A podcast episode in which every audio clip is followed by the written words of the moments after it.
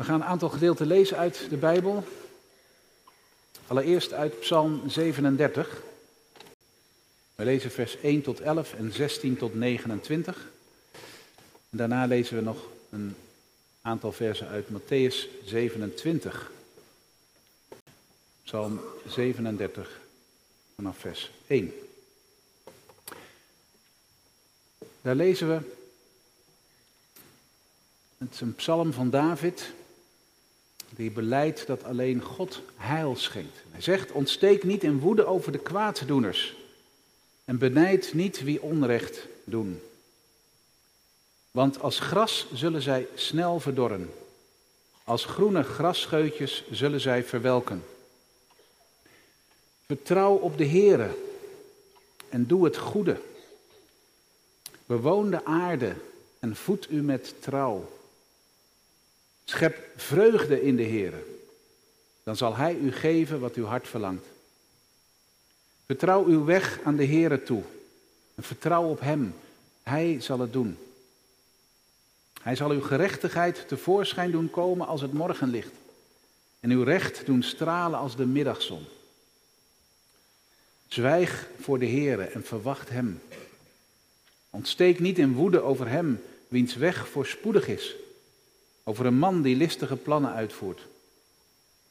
Laat uw woede bedaren en laat uw grimmigheid varen. Ontsteek niet in woede, want het brengt slechts kwaad. De kwaaddoeners zullen uitgeroeid worden, maar wie de Heere verwachten, zullen de aarde bezitten. Nog even en de goddeloze zal er niet meer zijn. U zult op zijn plaats letten, maar hij zal er niet wezen. Maar de zachtmoedigen, zij zullen de aarde bezitten en vreugde scheppen in grote vrede. Vers 16. Het weinige dat de rechtvaardige heeft, is nog altijd veel beter dan de overvloed van vele goddelozen. Want de armen van de goddelozen worden gebroken, maar de Heere ondersteunt de rechtvaardigen. De Heere kent de dagen van de oprechten. Hun erfelijk bezit zal voor eeuwig blijven. Zij worden niet beschaamd ten tijde van onheil. In dagen van honger worden zij verzadigd. Maar de goddelozen komen om. De vijanden van de Heere zijn als het kostbaarste van de lammeren te verdwijnen. In rook zullen ze verdwijnen. De goddeloze leent, betaalt niet terug. Maar de rechtvaardige ontfermt zich en geeft. Want wie door hem zijn gezegend, zullen de aarde bezitten. Maar wie door hem zijn vervloekt, zullen worden uitgeroeid. De voetstappen van die man worden door de Heere vastgezet. Hij vindt vreugde in zijn weg. Als hij valt, wordt hij niet weggeworpen, want de Heere ondersteunt zijn hand. Ik ben jong geweest. Ik ben ook oud geworden. Maar ik heb de rechtvaardige nooit verlaten gezien, of zijn nageslacht op zoek naar brood. De hele dag ontfermt hij zich en leent hij uit en zijn nageslacht is tot een zegen. Keer u daarom af van het kwade. Doe het goede en bewoon de aarde voor eeuwig. Want de Heere heeft het recht lief. Hij zal zijn gunstelingen niet verlaten. Voor eeuwig worden zij bewaard. Maar het nageslacht van de goddelozen wordt uitgeroeid. De rechtvaardigen zullen de aarde bezitten en voor eeuwig daarop wonen. Tot zover de lezing uit Psalm 37. Wij lezen in het Evangelie naar Matthäus, hoofdstuk 27, versen 19, 20 en 46. Uitgangspunt voor de verkondiging is vers 25 uit Psalm 37. Daar zegt David, ik ben jong geweest, ik ben oud geworden, maar ik heb de rechtvaardige nooit verlaten gezien. Of zijn nageslacht op zoek naar brood.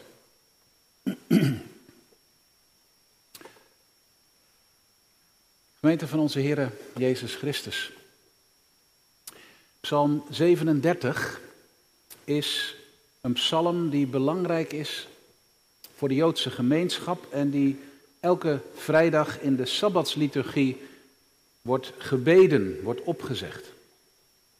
Het is een deel van, de, van het dankgebed aan het einde van de maaltijd. En bij die maaltijd wordt God gedankt voor voedsel, gedankt vanwege het land, gedankt voor zijn goedheid en zijn schepping. En dat dankgebed wordt afgesloten met dit vers, vers 25. Ik ben jong geweest, ik ben oud geworden, maar ik heb de rechtvaardige nooit verlaten gezien of zijn nageslacht op zoek naar brood. En ik heb dat altijd een hele bemoedigende tekst gevonden.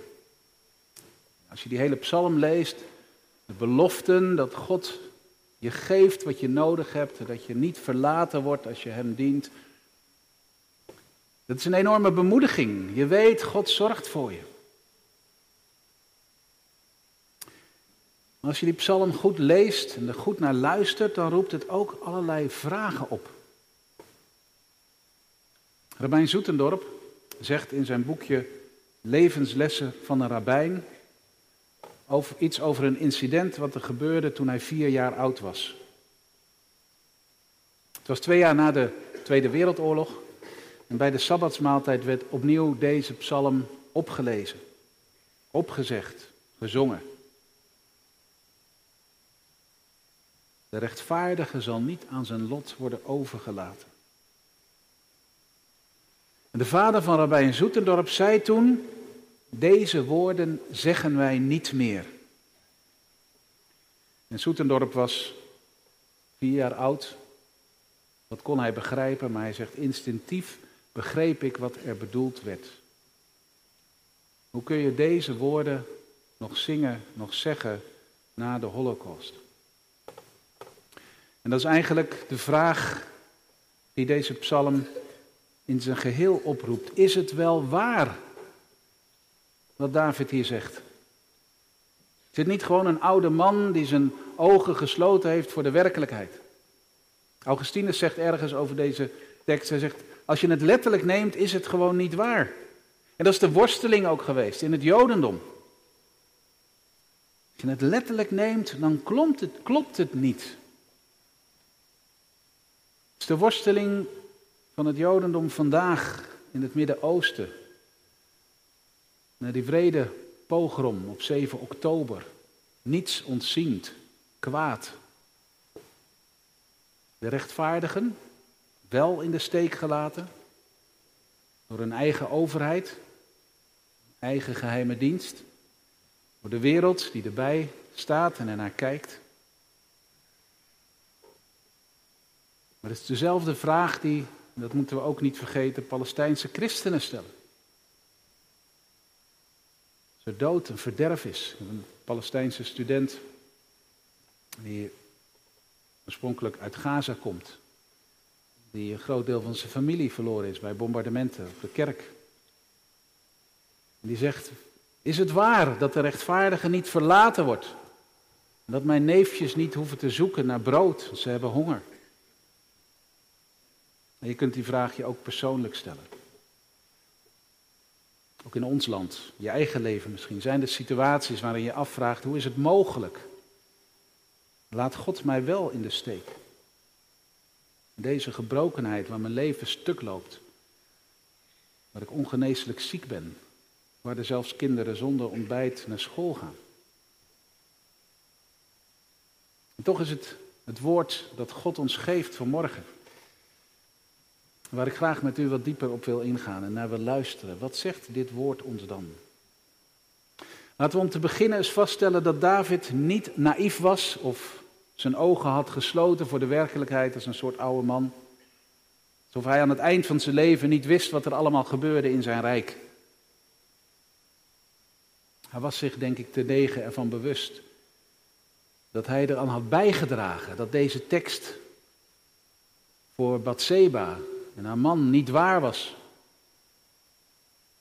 Toen hij Ria naar het front stuurde en alleen liet. De rechtvaardige werd alleen gelaten op inzet van David. En laten we ook duidelijk zijn, de psalm zegt ook niet dat er niets misgaat in het leven van de gelovigen. Waarom de oproep, vers 1, om niet jaloers te zijn?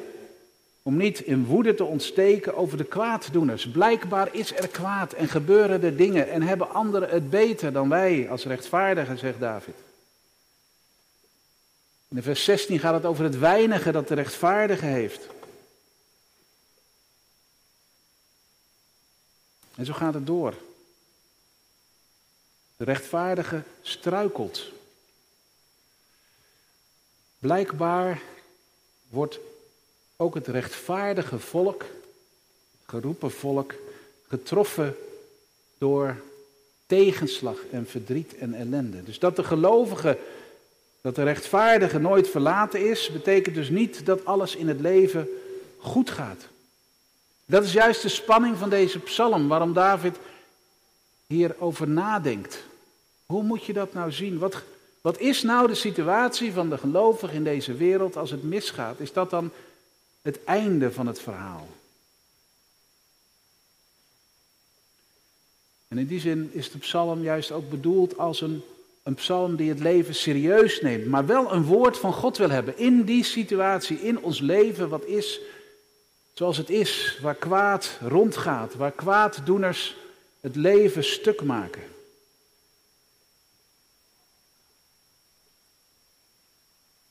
Dat is de wereld waarin wij leven. En is er in die wereld, als wij geconfronteerd worden met het kwade, nou een woord van de Heer?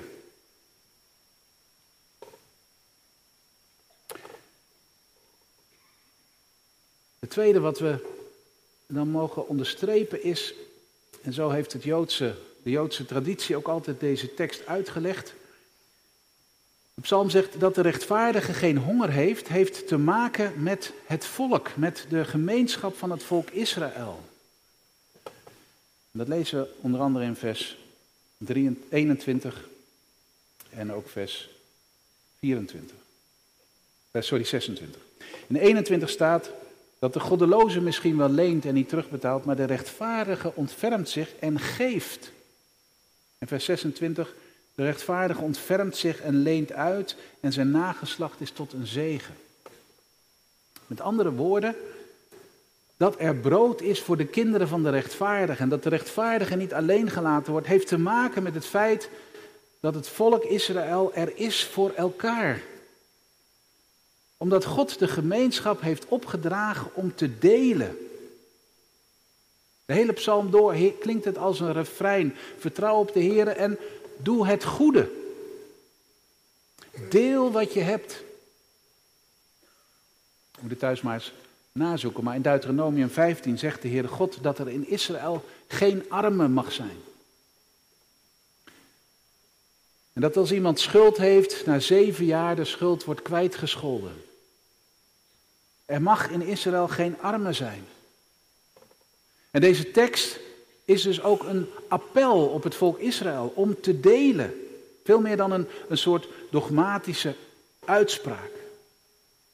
Het is een oproep, een appel om te leven uit het verbond en om te delen met elkaar, zodat er geen armen zullen zijn.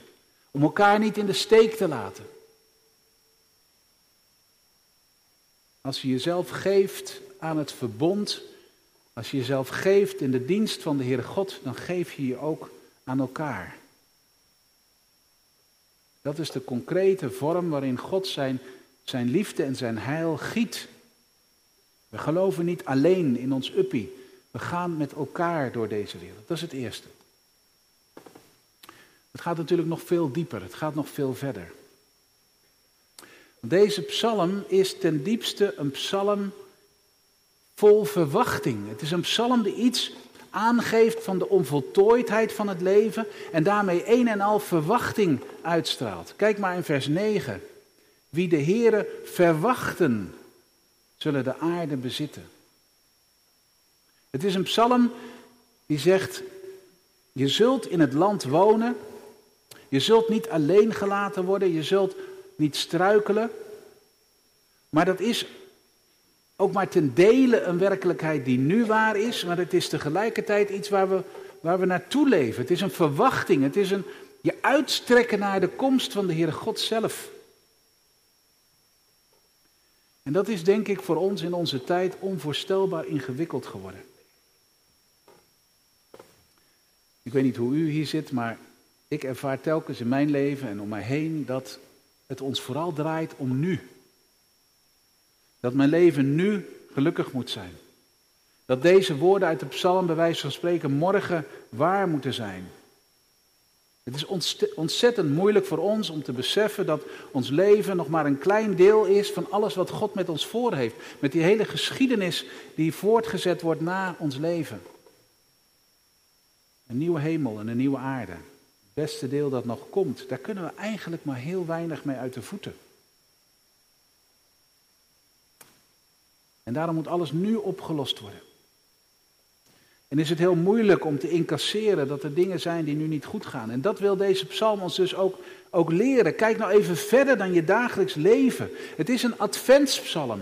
Het is een adventspsalm die, die eigenlijk roept om de rechtvaardige. Heel deze psalm wil ons toewijden, toetrekken naar de Heer Jezus Christus. Deze psalm schreeuwt om de rechtvaardige. En David zegt zelf in een andere psalm, om nog maar eens te laten zien dat hij heel goed wist wat er aan de hand was. Psalm 14 zegt hij, er is niemand die rechtvaardig is. Er is niemand die goed doet, zelfs niet één. Dat zijn de woorden die Paulus overneemt in de brief aan de Romeinen. En dat is nou precies de reden waarom deze psalm zo vol spanning zit. Dat is nou precies de reden waarom de dingen misgaan in deze wereld. Omdat God niet meer de centrale plaats heeft en wij niet meer rechtvaardig zijn.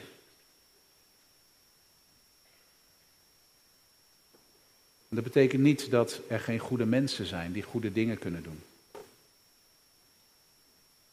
Dat betekent dat als het erop aankomt, wij tekortschieten. Dat als wij in deze wereld om ons heen kijken, we zien dat we niet in staat zijn om rechtvaardig te handelen. De schepping rechtvaardig te gebruiken, rechtvaardig met mensen om te gaan, rechtvaardig alles wat God ons gegeven heeft te verdelen. We niet rechtvaardig zijn om in deze wereld mensen te beschermen.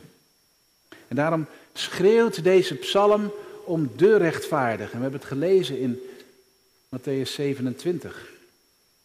Dat zelfs de vrouw van Pilatus Jezus rechtvaardig noemt. Hij is de rechtvaardige. Wie is rechtvaardig, wie is goed dan God alleen? Wie is rechtvaardig dan Jezus alleen? Ik heb over hem gedroomd, zegt de vrouw van Pilatus. Laat hem met rust.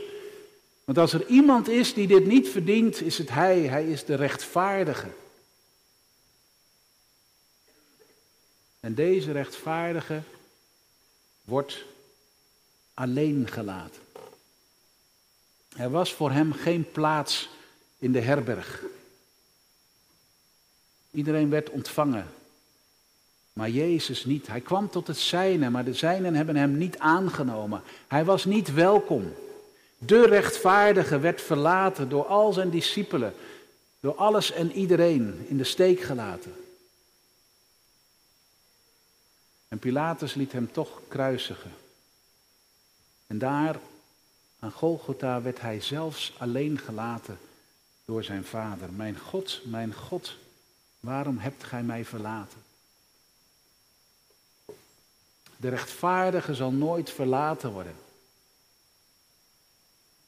Jezus was de rechtvaardige en hij werd verlaten. Juist om alle onrechtvaardigheid te verbreken in ons leven, in deze wereld. Om de schuld, de zonde weg te nemen. Om, om de relatie met God weer te herstellen. Zodat er weer leven is. Daarom zegt het avondmaalsformulier zo mooi. Omdat Hij van God verlaten werd, de rechtvaardige. Mogen wij weten dat we nooit meer van God verlaten zullen zijn. Omdat Jezus opstond uit de dood is hij als de rechtvaardige verklaard Gods zoon te zijn? Is hij verklaard de rechter te kunnen zijn, die uiteindelijk al zijn schapen, al zijn volgelingen rechtvaardig verklaart? En daarom zullen wij, als we Jezus volgen, nooit meer verlaten zijn. De waarheid van vers 25 ligt in Jezus. Daarom weet ik dat het waar is. Daarom weet ik dat het uiteindelijk goed komt. Dat wat er ook gebeurt in mijn leven, Hij mij nooit zal verlaten. Ik altijd op mijn bestemming kom en er altijd een gemeente is die niet overweldigd wordt door de poorten van de hel. Het wel, dat betekent dus niet dat we moeten wachten tot Jezus terugkomt voordat God iets doet. Betekent niet dat we nu aan onszelf zijn overgeleverd. Het betekent niet dat als het noodlot toeslaat we alleen maar op elkaar kunnen terugvallen. De psalm is er diep van doordrongen dat de gelovige ten diepste ook nu nooit uit de hand van God zal vallen. Als de rechtvaardige struikelt, 24, als hij valt, dan wordt hij niet weggeworpen, maar God ondersteunt zijn hand. God pakt je bij de hand en neemt je mee en draagt je.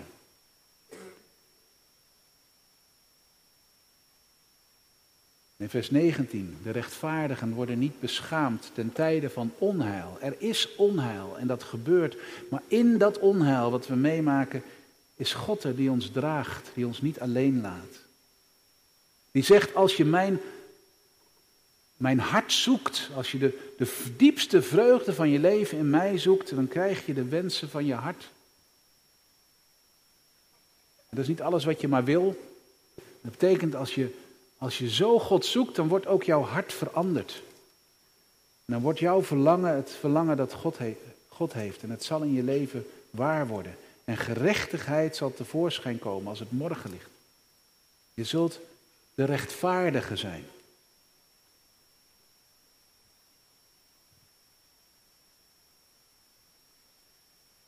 Betekent dat voor ons vandaag? Twee dingen die ik graag meegeef om te overwegen en om in praktijk te brengen. Psalm roept ons vanuit dit vers in de bredere context op tot twee dingen. En eigenlijk is dat voortdurend het refrein wat terugkomt in de psalm.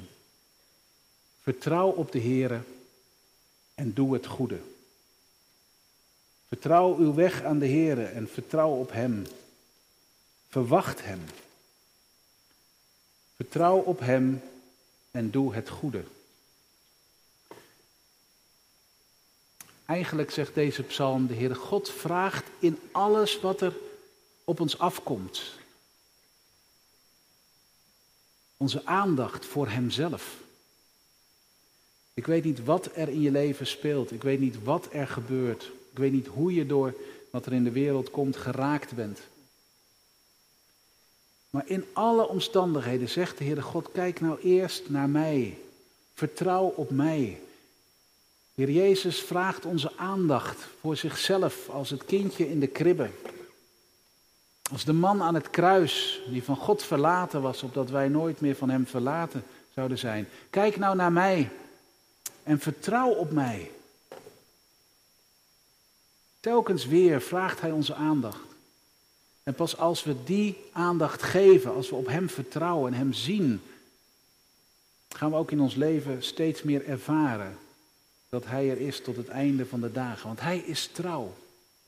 Hij blijft trouw. Al zijn beloften, ook uit deze psalm, psalm 37, zal hij waarmaken voor, voor ons, voor zijn volk, Israël, voor de wereld, door Jezus Christus. Hij is trouw en hij is met ons al de dagen van, zijn, van ons leven. En hij zegt, vertrouw je op mij, geloof je dat?